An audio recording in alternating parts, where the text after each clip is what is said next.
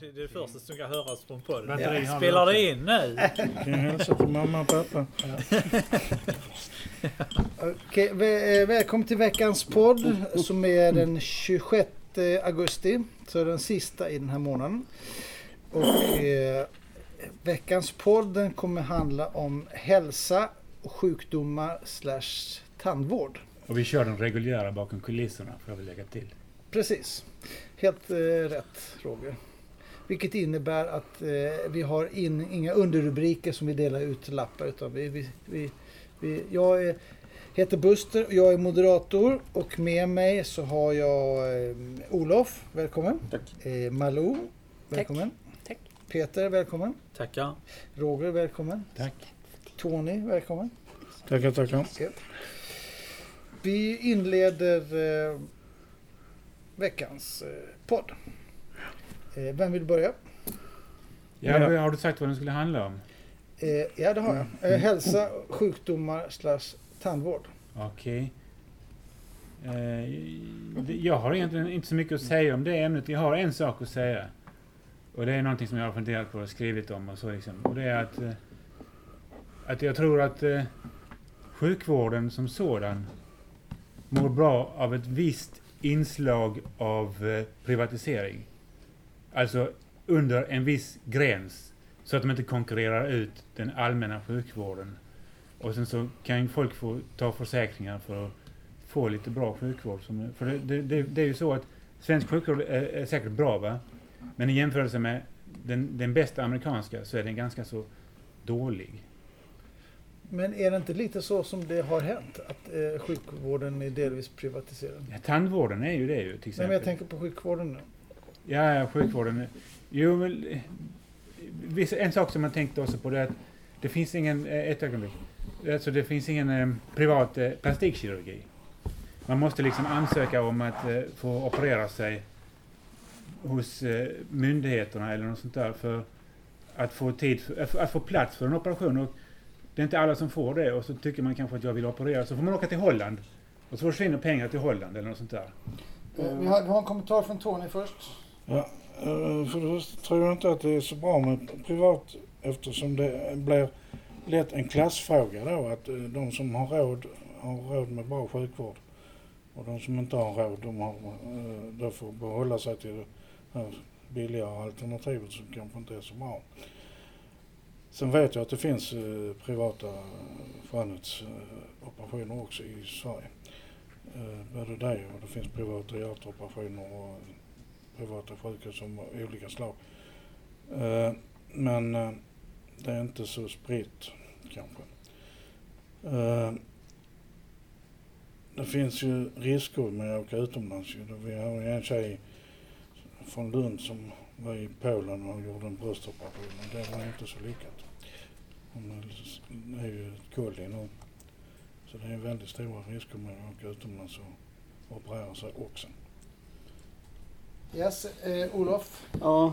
Nej, men jag är liksom lite, jag tycker väl att Alltså när det gäller sjukvård, den, den flesta vården överlag så är det ju de så är det ju de som, som, som inte har så mycket pengar, som inte har råd, som, som behöver den mest.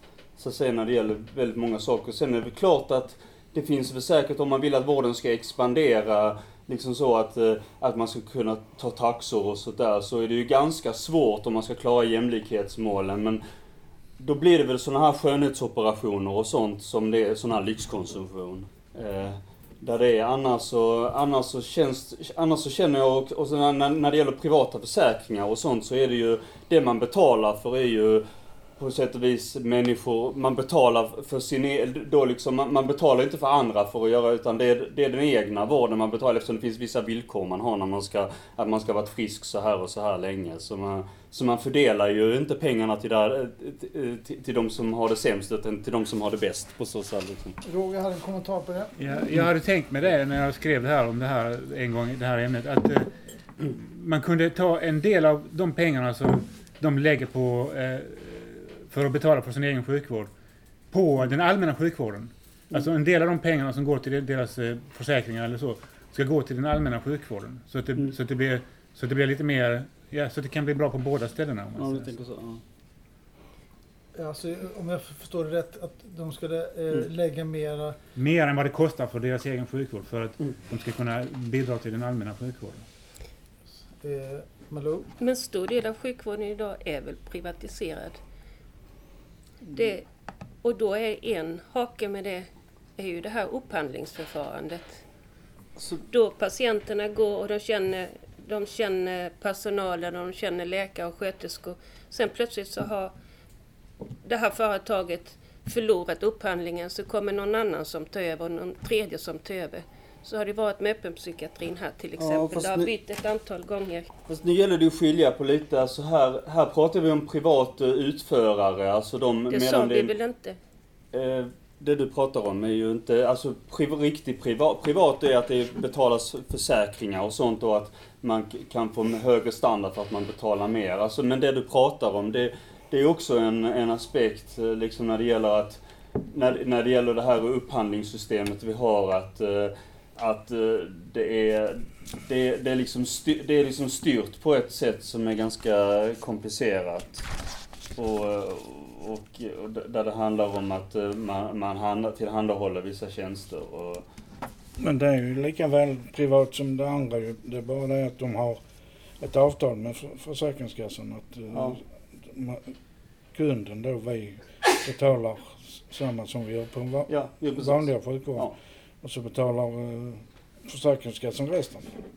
ja. Nu så ser vi att mycket, ovanpå det så är det mycket av sjukvården idag som digitaliseras då. Jo. Med en tanke på att, att, eh, att man har en kontakt med en doktor genom eh, mobilen eller datorn. Prosit!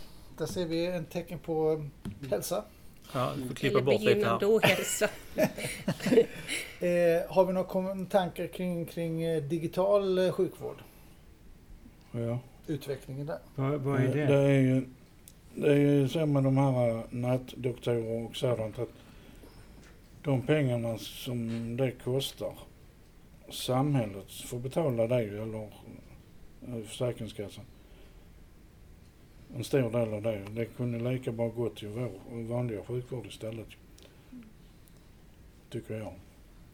Ja, alltså jag glömde ta upp den, men när det gäller försäkringssystem överlag så är de ju dyra att administrera liksom. Just sådär, eh, det där och, eh, att är det är därför som det också kostar mer, trots att det är många privata, så kostar ändå sjukvården minst lika mycket i USA som i Sverige just på grund av att försäkringssystemen är dyra att administrera. Så det var, den, den aspekten glömde jag ta upp, men eh, ja. Jag glömde också ta upp en aspekt. Yes, för, Och det är att de här pengarna som, som de här som betalar för egna försäkringar för privat sjukvård.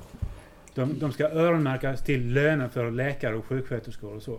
Så att de går inte till, till utrustning eller så, utan de ska vara öronmärkta till lönerna. Så att de, så att de kommer mer i nivå med den privata sjukvårdens löner, om man säger så. Har, vi, eh, eh, har vi bra sjukvård i Sverige? Ja. Den kan bli bättre. Den har varit bättre också. Men det är vissa områden som är, är fortfarande i världsklass. Det är barnhjärta till exempel är vi väldigt bra på, särskilt här i Lund.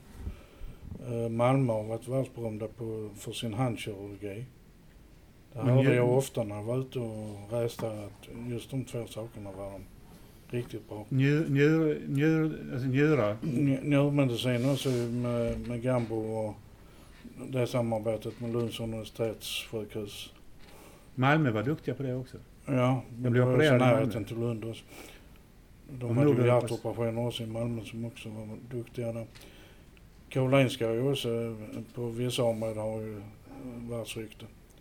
Men eh, Men om Det är det, klart känns, att det finns alltid för- man. finns alltid utrymme för förbättring. Ja.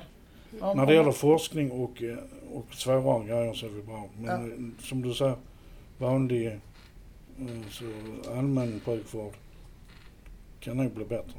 Men om ni nu utgår från er själva, känner ni, är ni nöjda med er, er sjukvård? Jag tycker att jag alltid blivit både bra behandlad och professionellt behandlad när jag varit på sjukhus. Morgon? Det som jag tycker är det stora problemet med vår sjukvård, det är att det är långa vårdköer. Det är det största problemet när man väl kommer till läkare eller kommer till ett lasarett eller någonting. Så får man bra hjälp, men det är inte så lätt att komma dit. Och Och det här systemet oftast... Det, det här, idag det väl, verkar det ju som att det är stora svårigheter även för de som söker akut och kommer till akuten. Folk blir avvisade. Och det är skandal tycker jag. Om vi nu säger, oftast det systemet som vi har, jag vet inte om det är in- inne i stan, men oftast i alla fall ute i förorter och allt det här. Det är det att, att för att liksom få en specialistbehandling så måste man alltid gå igenom en öppen mottagning först och få en diagnos där. Du kan få en egen, eller göra en egen remiss också Ja, numera. numera. Eh, Vi men gjorde på 1177. berätta lite, berätta lite, det, det vet inte ens Ja. jag.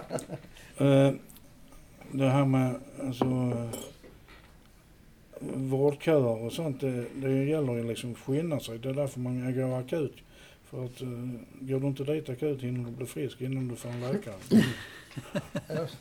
Det är ju katastrof. ja. En annan sak jag tänkte på, det var att eh, eh, om man skulle nu ha ett sånt system som jag föreslår med delvis privatiserad under 40% 30 eller något sånt där privat sjukvård. Ja. Så ska det vara inom de områdena där vi är sämre. Så det ska alltså, staten ska bestämma, ja ni får inte ha ett privat företag just i det området, hjärtkirurgi, för där är vi redan bra. Men vi, vi är väldigt dåliga på det här. Och där kan vi behöva lite privat sjukvård och forskning och så. Så, det, det, det, så hade jag tänkt att det skulle fungera. Jag tänkte komma in där eh, när det gäller just upplevelsen av sjukvården.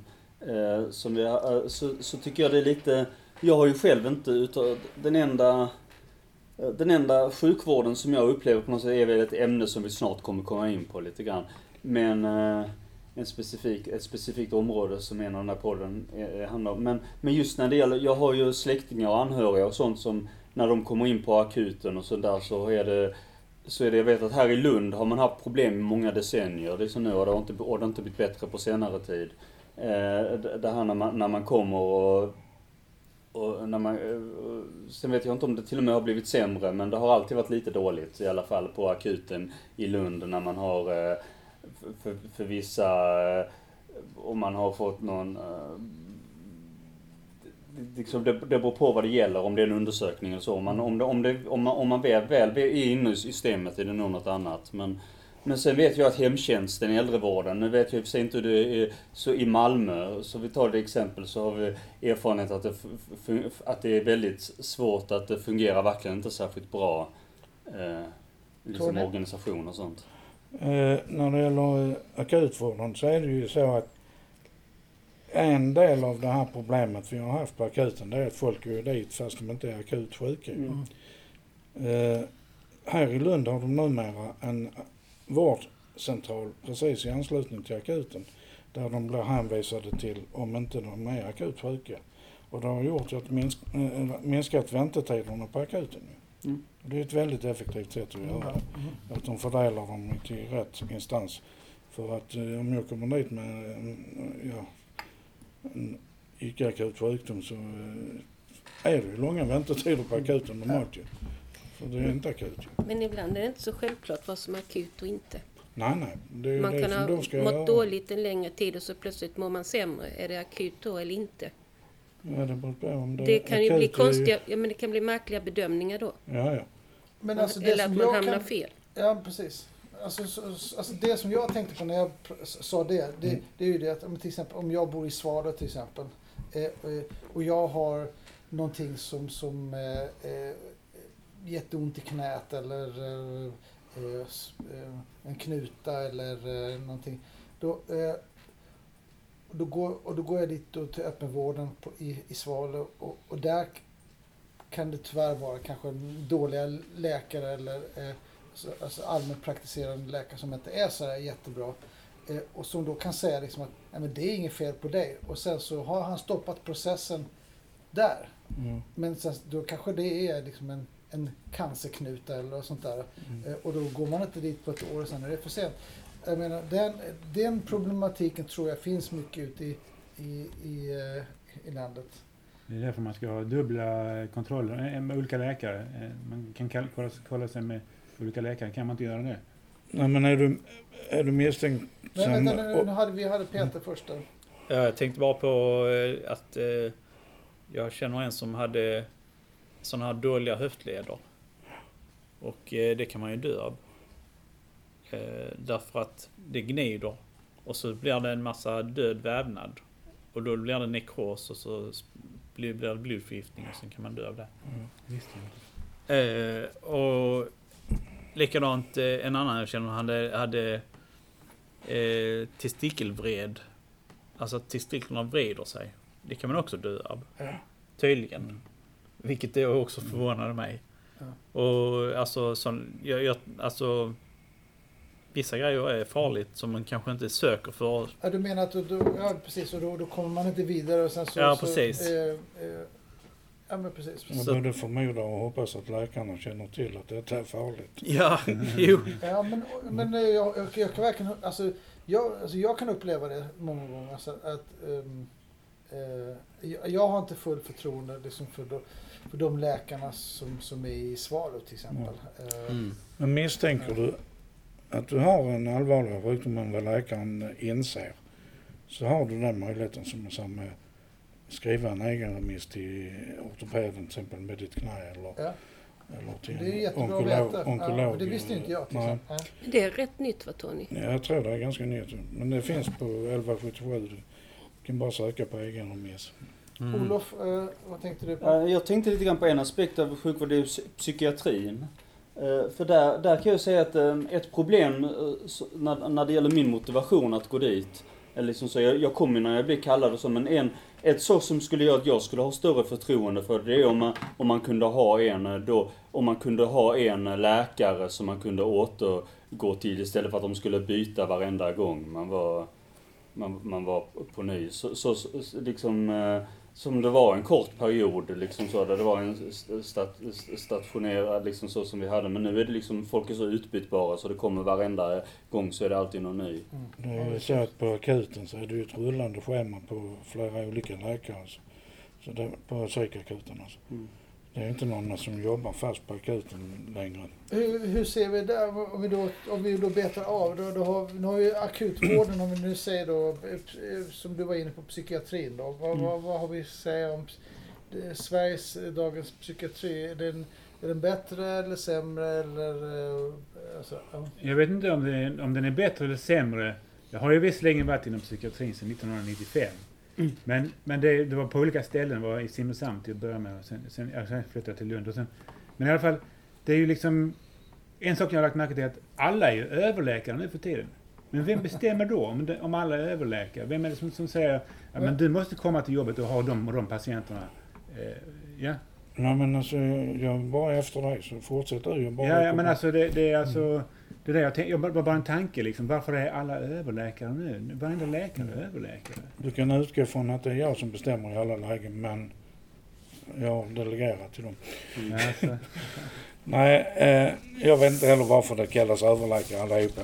Om det är antal år eller utbildning eller vad de har som gör att de ska kallas överläkare. Men det, det, det här problemet som Olof var inne på är ju ett stort problem. Jag vet ju senast när jag kom in akut, då var det en läkare som jag har träffat förut. Och det kändes jätteskönt för att då slapp jag dra hela min historia som man får göra annars ju. Mm. Och när min, min läkare på mottagningen slutade så var det en period där med en massa ST-läkare. Och så ville de att jag skulle berätta deras, eller min historia då om, så nej varför det? Nästa gång jag kommer så är inte du här. Står inte det i journalen då? Så i din historia? Ja, det står sen så, så nästa gång är du inte här så det är ingen skriver ut medicin bara. Så, Ja. men eh, det är ju ett problem med det här med rotationen på läkaren. Då ska vi införa överstläkare då? Mm. Ja. ja, men vi får binda fast dem i stolarna så de inte rör på sig så mycket. Ja. Eh, Olof? Nej men Men sen... vänta, förlåt, vi hade Maud först. Ja. Nej, Maud. Malou. Nej, Malou. Malou. Jag, jag, jag fick blicken där, jag såg det. Nej, jag tror inte det är så att det är överläkaren som bestämmer allt. Nej, Du har inte med det att göra utan du har en avdelnings eller klinikföreståndare på lasarett och så vidare eller en avdelningschef. Och ibland sammanfaller det så överläkaren är klinikföreståndare. Så den... Det var bara det. Ja, bra. Hade vi inte en sån person här på fontänhuset som var expert på just det här området? Som du berättar om nu, Malou. Med Jag vet inte. chefer och så. Alltså, Ja, ja. Var det någon som var med i något brukarråd kanske? Eller något Kanske sånt? det, jag vet inte. Det var någon Ja. som var väldigt insatt i det. Om det var förtroenderåd eller vad fan det är. Snart så ska Olof få ordet. Han har bett om det. Jag ska bara berätta att vi har fått en ny deltagare i podden här och vi hälsar välkommen eh, Marie. Hej, in i hej. Samtalet. Ehm, och eh, vad tänkte du på Olof? Ja, nej, men jag tänker på det här med överutskrivning. Det har ju, det har ju ofta varit ett, länge varit ett problem inom psykiatrin eh, i decenniers tid och det har, nu har det framkommit mer och mer den, den förlora, de förlorade år som många har haft eftersom li, livet har ju, hos många har liv, livet är liksom 20% kortare för de med, men inom, som, som går till psykiatrin jämfört med andra. Sen vet jag inte hur mycket allting kan skyllas på läkemedel, det vet jag inte. Men, för det har ju mycket, det finns en hög självmordsfrekvens och något sådär. Men, men uppenbarligen så är det ju är det ju ett väldigt problem att det, det tar ju liksom död. Många blir övermedicinerade och får dåligt så de missar sin personlighet på något sätt av alla preparat och sånt. Skulle jag bara kunna gå in snabbt mellan er två bara undra där och en föra det vidare. Ja. För nu kommer vi in här lite på läkemedel Ja. och Läkemedelsverket och, och, och det här. Fin, finns, det, eh, finns det en risk för att eh, pengarna styr i, i framtagandet av medicin och medicinering och, och att, det, att det lätt kan vara så att eh, ehm, läkarna blir pushade utav läkemedelsföretagen för att använda psykofarmaka istället för att göra på något annat sätt. Eh, Ja, jag, jag, tänkte inte, jag tänkte bara säga det att Olof sa också där med att eh, eh, varför, alltså, det är många som röker också som har Ja. till exempel schizofreni och som bor på boenden och så. Ja. Det är väldigt många som röker. Och då blir det ju 20 år kortare livstid i snitt när man röker. Så, så mycket som de gör då, i ett paket eller två eller vad det är. Mm. Det, det är så stor. Ja, det pratades mycket om det förr. Det du snackar om nu om att ja, läkarna skrev ut vissa mediciner att de var påverkade och påverkades av läkemedelsföretagen. Men nu, häromdagen så var jag, ute var jag och hämtade ut medicin på apoteket. Och då frågade de om jag kunde byta den medicinen mot en annan. För den andra var, var fyra gånger så dyr. Ja visst, säger jag. Och så frågade jag varför är det så? Och då fick jag en förklaring att det kan ändras från månad till månad. Det finns något råd som bestämmer hela tiden vilka mediciner det är som ska kosta, vad de här olika medicinerna ska kosta. Det, det är ju så Så det, det är, oavsett vad han skriver ut, den som skriver ut så, blir- så får man också skatt för den är billigare. Eller liknande för att det är den billigaste som när det gäller för tillfället som de, apoteket är tvungna till att välja. Sen om du vill ha någon annan så får du betala mellanskillnaden. Så det, så det är alltså ett råd som sitter och bestämmer att det här är den som, som svenska folket ska använda. det var nytt för mig. Men det, Det var inte ja, det, så kan man, innan. det kan man väl kanske som, som Nej, Tony säger, tror- man kan betala mer men det vill man ju inte. Ja. Men, men om man ska ha det låga priset. Nej. Det sa han på Jaha. apoteket. Men för Eller råd, jag vet inte vad man ska kalla det, men det var olika den, den folk är billigast för tillfället. Kommer det upp, så blir det den de, som de får upp på datorn. Det blir Men- typ men- som eh, medicinens skivbolag. Ja visst, ja. Och det beror ju på att eh, förr så var det ju risk för, de ansåg att i alla fall att det var en risk för att eh, läkare skulle ta mutor eller, eller skulle, skulle bli övertalade av vissa läkemedelsbolag att sälja just deras medicin. Ja, de fick ju eh, så en Spanienresa för att Ja, ja liksom, sitta och diskutera vilken medicin de skulle ha. Och det är lätt att sitta och diskutera när de var bjudna på en trerätters med alltihopa och Ja, fint hotell och sånt. Lite krök och så. Ja. Ja. Och det var ganska vanligt förr. Sen så hur, hur det påverkade läkarna i deras beslut det kan man inte bevisa. Nej. De fick en sån här drink, gi- gin och Treo. Ja, ja, ja. Rum och, Citronsmak. rum och, rum och no, Novolo Cola. Ja, Jag vill fråga Marie här, eh, som har du några synpunkter? ja nej, men definitivt Marie. Ja, jag, jag undrar om det faktiskt fortfarande inte är lite så att läkemedelsbolagen påverkar läkarna till att skriva ut vissa mediciner mer än andra. Men med det här systemet som är på apoteket så, så hjälper ju inte det att om läkarna har fått betalt av eh, ett bolag och så ett annat bolag har en billigare variant så väljer ju alltid apoteket den billigaste. Mm. Men problemet där är ju att Den kanske inte är samma medicin eller samma funktion på medicinen de, de skriver ut. Som Ja, du det måste säger. Jo, det ska vara måste vara motsvarande. likvärdiga. Det måste det. ja. Måste vara likvar- likvärdiga för att eh, de får lov att göra så. Ja, okej. Peter? Inte bara det, du måste få samma ingående substans. Ja, ja, det Alltså grund, grundsubstansen måste vara samma. Sen är det ju en del som är allergiska mot vissa ämnen. Jag känner en som är allergisk med allt som rör eh, baljväxter, och ärtor och bönor och sånt. Och det är ofta med i den här utfyllnadsgrejen i, i tabletter. Och hon kan ju inte använda dem även om det inte står. Får hon då en annan Så då medicin? måste hon få en annan medicin.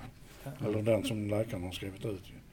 Oavsett kostnaden. Men det, det här är en ganska ny, är inte ny företeelse, men i alla fall kanske med några år på nacken. Men förr i tiden så, så, så, så fick man ju en tablett. Ja. Alltså det, det, har, det, har, det är mer att välja på idag. Ja, det, det är det, det, är det.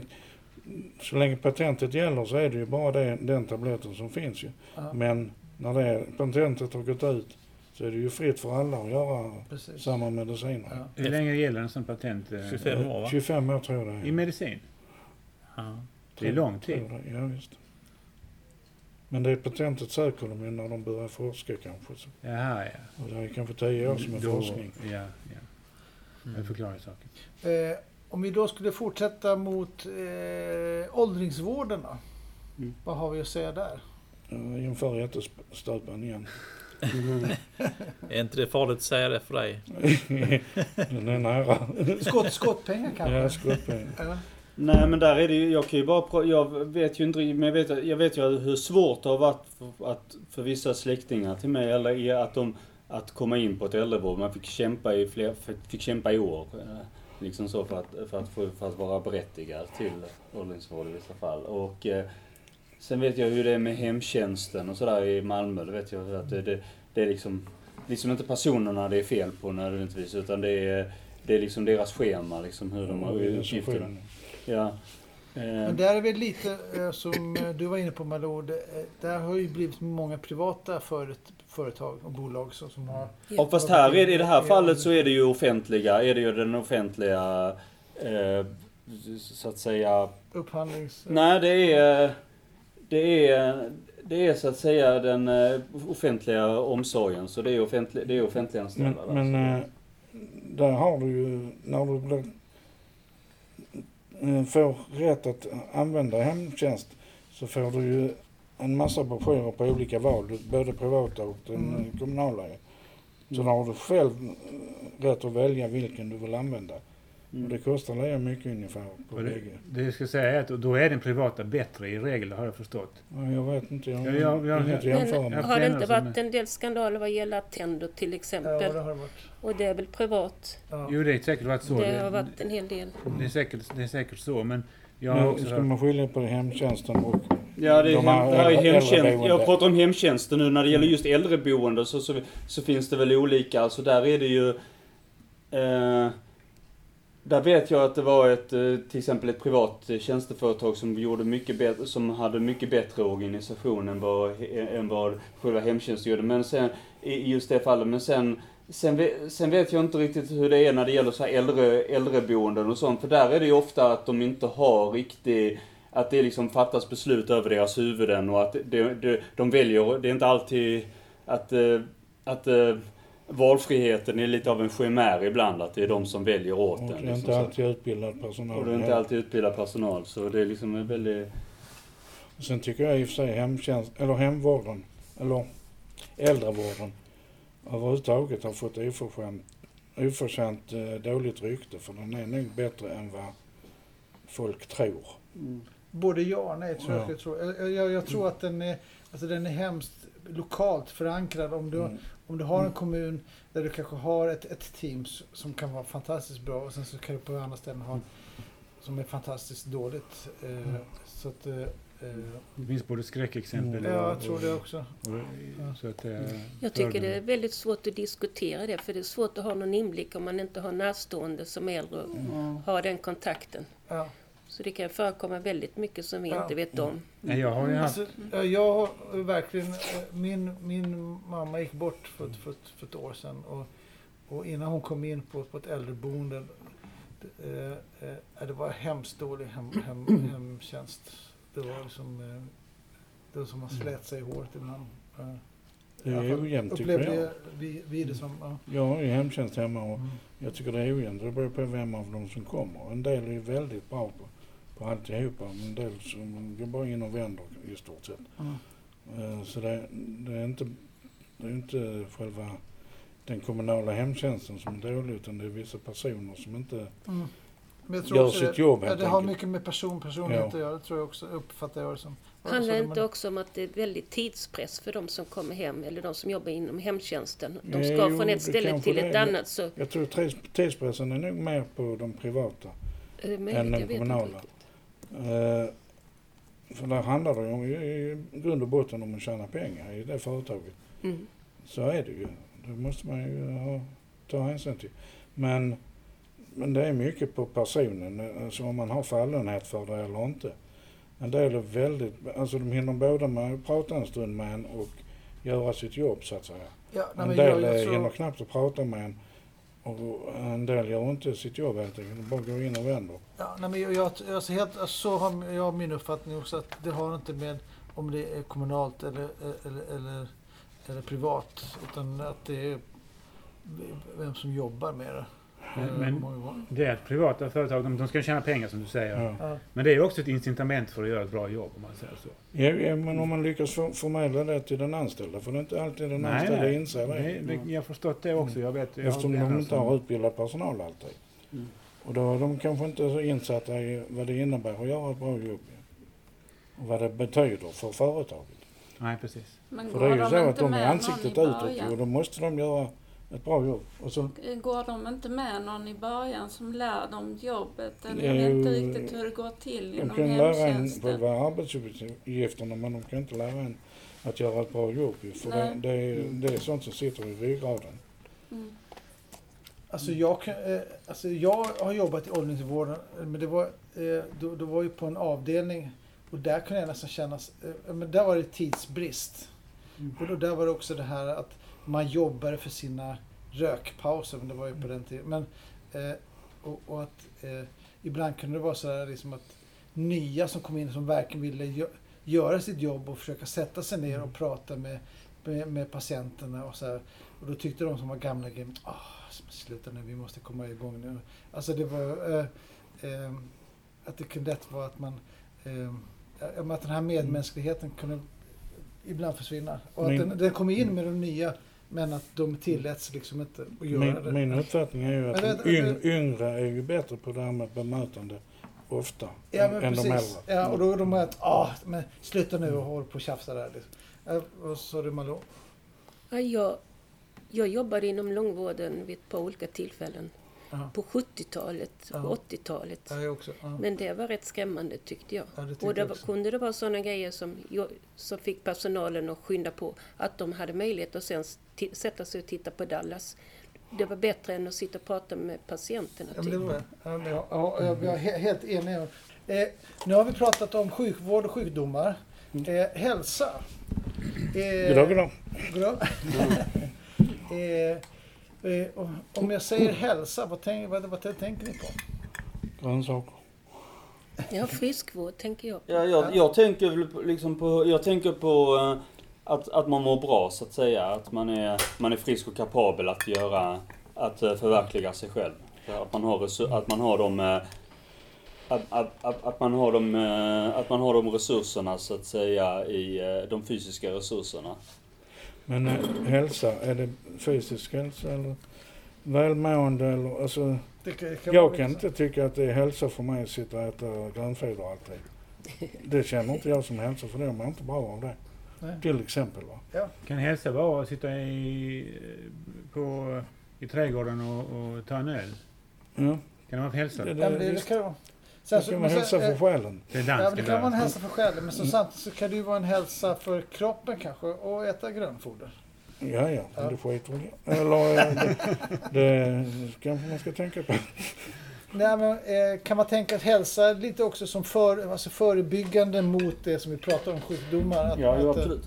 att det har Ju, ett samband. ju, ju bättre hälsa man har från början desto större risk. Det är ju det vi kallar risk. för friskvård. Det är att man, trots att man är frisk så ser man till att ta hand om sin hälsa genom att leva hälsosamt och sunt. Och där kan man ju gå tillbaks till eh, Fontänhuset faktiskt. Där vi faktiskt jobbar jättemycket med friskvård och hälsa. En, I alla fall en tanke om att göra det. Nej men det gör, det Ja, gör det gör vi Jag är definitivt. inte med på någonting. Jag, Nej. men jag går hit från Gunnelsbo och hem liksom. Så Ja. det blir ju ändå en bit. Det har ju blivit, sen jag började, har det blivit mer hälsotänk och miljötänk i alla delar av, av Fontänhuset. Eh, Malou? Jag tänker också, eller associerar till den hälsa, då tänker jag på arbetsmarknaden. Att den som har hälsan har alla förutsättningar och får en bättre pension för att de har kunnat jobba riktigt och så vidare. Den som är sjuk har inte de möjligheterna. Utan det är någon form av diskriminering av de som är sjuka. Mm. Eller handikappade. Ja, det kan man ju bara säga på sjukersättningen. Den är ju inte jättehög. Nej. Så, så.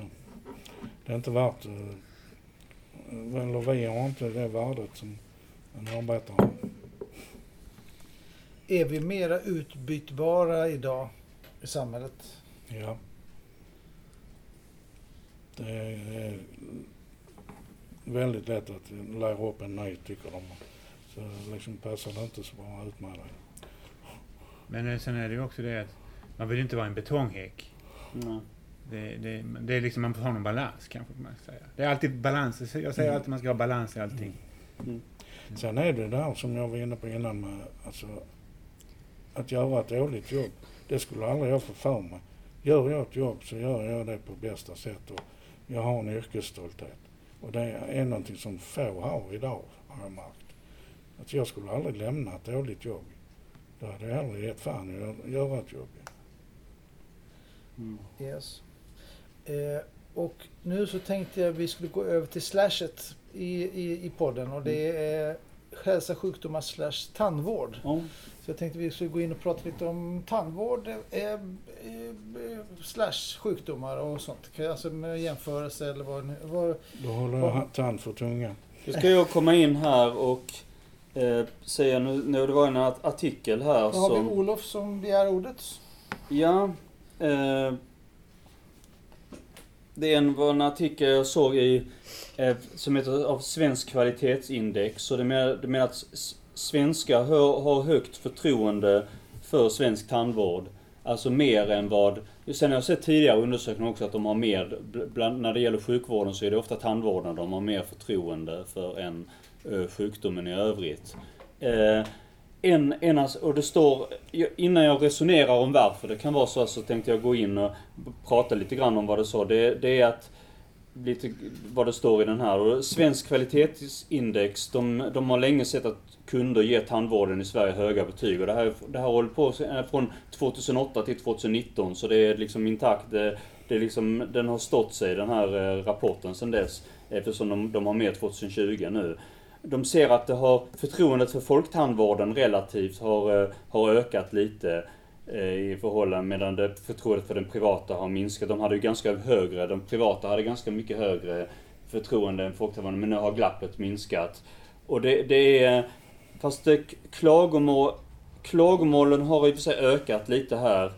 Eh, så det är, och det handlar om otro, otrolig, otydlig prisbild för olika insatser och bristande tillgänglighet. Men 9 av 10 känner förtroende för sin, tand, för sin tandläkare och de menar att det är bra i, för, eh, i kristider att det är så.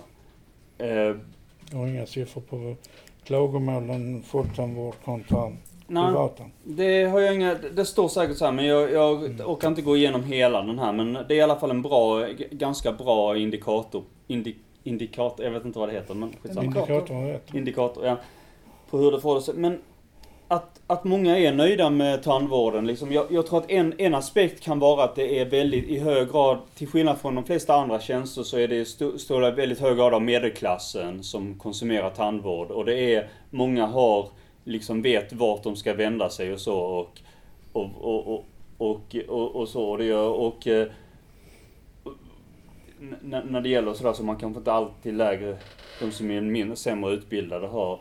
Eh, men sen är det också den aspekten att många, även om det nu är så, så är det ju inte, så är det ju många som inte har råd med tand, så är det ju många av, av de, många som ändå tvingas avstå av ekonomiska skäl. De som inte tillhör med, som ändå liksom, Kan man då säga, är, är tandhälsa en klassfråga idag? Ja, det får man väl säga. Det är det. På sätt och vis, men samtidigt så är det ju så att vi här, eller jag i alla fall, Ja. har grönt kort. Jo, jo precis. Det, det, det glömmer man också att det finns ju alla som är omfattas av LSS har ju ett, har, är ju berättade ett grönt kort. Sen, sen gäller det att förhandla. Det, är liksom, det tar väl några veckor innan man får det, så det är alltid lite segt. Men, men, men man får ändå, man är ändå berättigad till grönt kort om man har LSS. Jag vill bara att du förklarar vad ett grönt kort är. Ja, det är sånt som gör att det, det blir billigare. Man kan ha, man kan beha, man, man betalar, man behöver bara betala hu- 100 spänn för en... eh, 200. Det, det ingår i ja. vanliga högkostnadsskyddet. Så? Ja. okej. Det ingår, Men- så men du betalar, även har du frikort så betalar du ingenting. Men även om du ska göra liksom ett tandimplantat som egentligen kostar 50 000 får du betala 100 Det, kronor. det gäller bara för eh, nödvändig tandvård. Det gäller väl nödvändig tandvård? Ja. Och det, det är tandläkaren som gör den bedömningen och sen skickar de, han in det till någon stans där de bestämmer att är detta verkligen eh, nödvändigt? Och sen får de ett beslut och så kanske det Och inte där blir är det ju så att, jag menar, många som har psykisk Mm. ohälsa idag är ju eh, Mm. 60-talister och fe- 50-talister och Mm. 70-talister. Och alla de Mm. har, har lagat tänder med amalgam. Och vid 60, fem, mellan 50 och 60 års ålder så spricker alla de här kinderna. Och det, och det kostar jättemycket pengar. Och det ingår ju inte i det här. Nej. Så i och med det så blir det som en klassfråga. Så att de som inte har råd Mm. att sätta nya kronor. Nu ska Eh. vi ju också göra klart att psykisk ohälsa eller eh, 50-60-talister är inte några klasser. Samhällsklasser. Nej, nej, nej. Men, men de, de är drabbade. ja, Mm. Men där vill jag komma in och säga att visst, alltså det är ju hemskt att det är så. Eh, samtidigt så får man komma ihåg att det finns ju bra det, det finns ju, tandvården i Sverige är ju gratis upp till 24 års ålder och på den tiden hade man inte, för det fanns knappt Innan början av 60-talet så fanns det knappt någon tandvård i barndomen också för, för de som har, men idag så finns det sådana möjligheter, finns det mycket bättre möjligheter för framtida äldre att ha bra tänder. än- Det är Vi hade, aspekt. vi hade skoltandläkare. Ja men det var efter, det var ju, det var ju på, på, sjut- på 70-talet som Ja, de på- började. ja. Men innan 70-talet, många av de som växte upp där innan hade väldigt dålig tandhälsa för att Ja, de men hade... det är 60-talisterna, de, de Ja. växte ju upp på 70-talet. ja. Jag hade grönt kort tidigare men Mm. eh, det är inte jag berättad till längre därför att nu, nu har det blivit så att man måste göra ett salivtest. Alltså salivflödestest. Och det testet kostar 600 kronor att göra. Och då vet du inte ens om du kommer att få godkänt grönt kort eller inte. Så att ska man slänga ut lite 600 moment 22 spänn. av det där. Ja, alltså det kostar dig 600 kronor men vad kan du... Frågan är hur mycket man sparar på om det är begränsat i två år. Gör det för Du får färdig för tandvård men du Ja, men jag, alltså, måste göra min, ett min, test som är för dyrt. min tandläkare sa, hon, eh, hon, hon frågade mig, frågade ut mig lite så sa hon det är inte lönt att göra något slavtest för du har inte torr mun. Men jag tänkte, när det, gäller att, när det gäller att den här frågan om tandvården ska täckas av sjukförsäkring och så som, som det ändå har varit. Man ändå har pratat om i 20 års tid eller ungefär att det, det, det ska det vara efter att det blev så mycket dyrare i slutet av 90-talet. Eh, eh, så, så, så, eh, så e- ett, ett problem har ju varit när man har genomfört vissa så här reformer att det ska bli, det ska bli, eh, att det, det, ska ha, det ska bli billigare eh, för, att man ska ha fler rätt, möjligheter att ha tandvård till ett billigare pris. Det är ju att det är ju tre som betalar. Det är patienterna, det är Försäkringskassan och så är det privata försäkringar. Eh, så att säga där.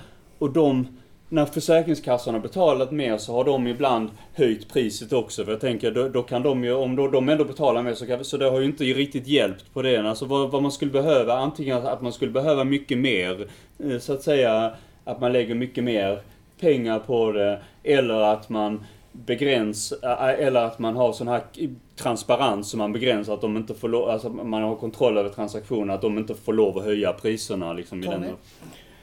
Det, här, eh, det är ett stort hinder i, i den här tanken att det ska ingå i högkostnadsskyddet och det är ordet solidaritet. Det ordet sticker väldigt mycket i ögonen hos vissa människor. Att man betalar solidariskt, alltså via skatten. Mm. En del tycker att ja, men jag eh, har bra tänder och ska inte betala för min granne som äter socker varenda dag. Men är man solidarisk så tänker man inte så utan man är med och betalar helt enkelt. Så du menar att vi måste höja skatterna? Ja, det måste Ja. Alltså ska vi ha det så måste ju skatten höjas. Det är ju inte utrymme för sån... eh, Det kan vara en fördelningsfråga också. Ja, men eh, det är ju... Det är ju det är ju en väldigt stor kostnad för samhället om det skulle vara så. Yes. Och, Mm. och då får man ju också, i samband med det får man ju låsa priserna vid de här riktpriserna som branschen har tagit fram. Mm. Att eh, det ska kosta så, så mycket så inte tandläkarna säger ja men det är gratis. Du betalar 200 men Försäkringskassan betalar resten och då hö- höjer jag räkningen då för att få mer betalt. Så ska det inte vara. Om vi nu säger så här, eh, är det rätt att, att, att, att, att tandvård ska liksom vara en sak och, och sjukvård en annan? Är, är det inte, är det, tillhör inte kroppen, borde inte det vara ih- ihop? Men det är ju samma som glasögon. Det ingår ju inte heller, men hörapparat och ingår i sjukvårdsförsäkringen. Ja, och om du har en ögonsjukdom så, så, så eh, är det ju sjukvård. Ja, Men eh, det är ju, Nej, det ingår vissa inte. sjukdomar är gratismedicin och vissa är det inte. Jag har diabetes, all, di, all insulin är gratis och nålar och sånt Ja. till är ju gratis. Vad sa du Malou? Att, eh, det ingår, eh, att vad? Det ingår inte. För att du har en ögonsjukdom. Starr till exempel, blir man opererad? Ja, Man- Då blir man opererad. Men Det då blir- får man ju betala för... Får man? Ja, det är Nej, nej, Jo, nej. det är det, Jag har opererat detta ögat åtta gånger. Men det och det finns... får du betala, så det ingår inte Nej, i men det är, sjukvården? ja, det är som när jag går till läkare annars. Ja, Ja, det du- ingår i sjukvården, Ja, men men, det det är det inte... Men det är inte... Nej. Ja, Ja, och Det det är det jag menar som... sjukvårdsförsäkringen. Ja, va? Det ingår i Ja, det sjukvårdsförsäkringen. ingår i sjukvårdsförsäkringen. Men Men, tänderna är- glasögonen, eller det är inga speciella Ja, glasögon precis. för att jag... Ja. Eller något sånt som jag får. är ju utöver ju. Det Ja, det är det jag. Ja, menar. Det var det jag ville ha sagt. Ja, men då, där tycker man ju då att kanske att tandvården borde ju vara samma sak. Om, om, man, om man får tandproblem så borde, så borde det ju i, vara i sjukvården. Tycker Men jag. är det inte Men- någonting där med glasögon, även där att man skiljer på, på vuxna och barn? Får inte barn? Jo, Jo. barn Jo, får barn glasögon. Ja, Upp till- men de fick precis. inte det förr, men de Ja. får det nu. Ja. Men eh, det. är ju mycket sånt som man borde, tycker, som, men, diabetes är en kronisk sjukdom, du får medicinen gratis. Men det är ju fler kroniska sjukdomar som borde också vara gratis. Ja. Man har inte valt att få en kronisk sjukdom. Nej, nej, nej. Får jag komma in här? Och där finns det ju en kronisk grej som egentligen, alltså som eh, kvinnoprodukter till exempel, eh, bindor och sånt, det borde också vara gratis tycker jag. Så, eh, Eh, Olof, har du någon kommentar? Eh, när det gäller tandvård, det är svårt att säga så... Det är ju det är vissa sådana här extraimplantat som är för, som är för estetiska skäl och sen man kan ju fråga om det verkligen ska vara, om det, om det inte är okej att det kostar lite mer än en annan, en annan som är sådär nödvändig så att säga. Men det är samma även inom, även inom eh, va- vanlig omsorg inom äldrevården att till exempel åderbråck har man ju inte, får, får, får man ju betalas ju inte vi, via Alltså, f- av, alltså om de är av estetiska skäl så får man betala det själv nu för tiden. Så det finns ju så här prioriteringar man gör. Eh, och jag vet, men jag vet inte riktigt hur, var gränsen går för hur, för hur, vad som anses vara lyxkonsumtion det är i vad tandvården. man och vad sätter som- i ordet tandvård. Men tandvård är ju vård av, alltså när man har några problem. Men är det av estetiska skäl så tycker jag inte det är tandvård. Nej. Det- Men- det- men det- alltså- Tanduppdatering. All tandvård är ju, kostar ju pengar. Ja. Så Det gröna kortet gäller ju inte allting. Det gäller ju bara kontroll av tänderna, eh, lagning av tänder, dra, dra ut tänder, ta bort plack. Det är vad det gäller. Sen så får man betala rätt för resten själv. Ja, du kan få en brygga också om den är här, Och jag, mitt jag, på. jag måste säga det här, jag kan inte hjälpa det. Nej. Men jag har också grönt kort, men det är inom golf. Och där, där fin- har jag 16 hål. Mm. Det heter, det är heter klart det green card. Ja, men det är grönt. Green card. Men det Det heter också... inte grönt kort, det heter green card. Ja. Men, Men vad det är gör du åt dessa form... 16 hål? Är det någon som hjälper dig att fylla igen dem då eller? De, de, de, de brukar lägga form- såna här runda vita bollar Ja, nu börjar jag snart se ett innuendo här. Det Så. det är också en form av handikapp. Mm. Ska Men är det inte lite onödigt att försöka laga ett hål på 200 meters avstånd? Jo, det kan vara lite Gå till tandläkaren också. Betala lyssnarna, vi 1000 måste få lov att tramsa lite vi också. Vi har haft en så allvarlig diskussion här i en timme. Va? Ja, just det. Du betalar 1000 kronor för att gå till tandläkaren. Ja. Och du får en krona tillbaka.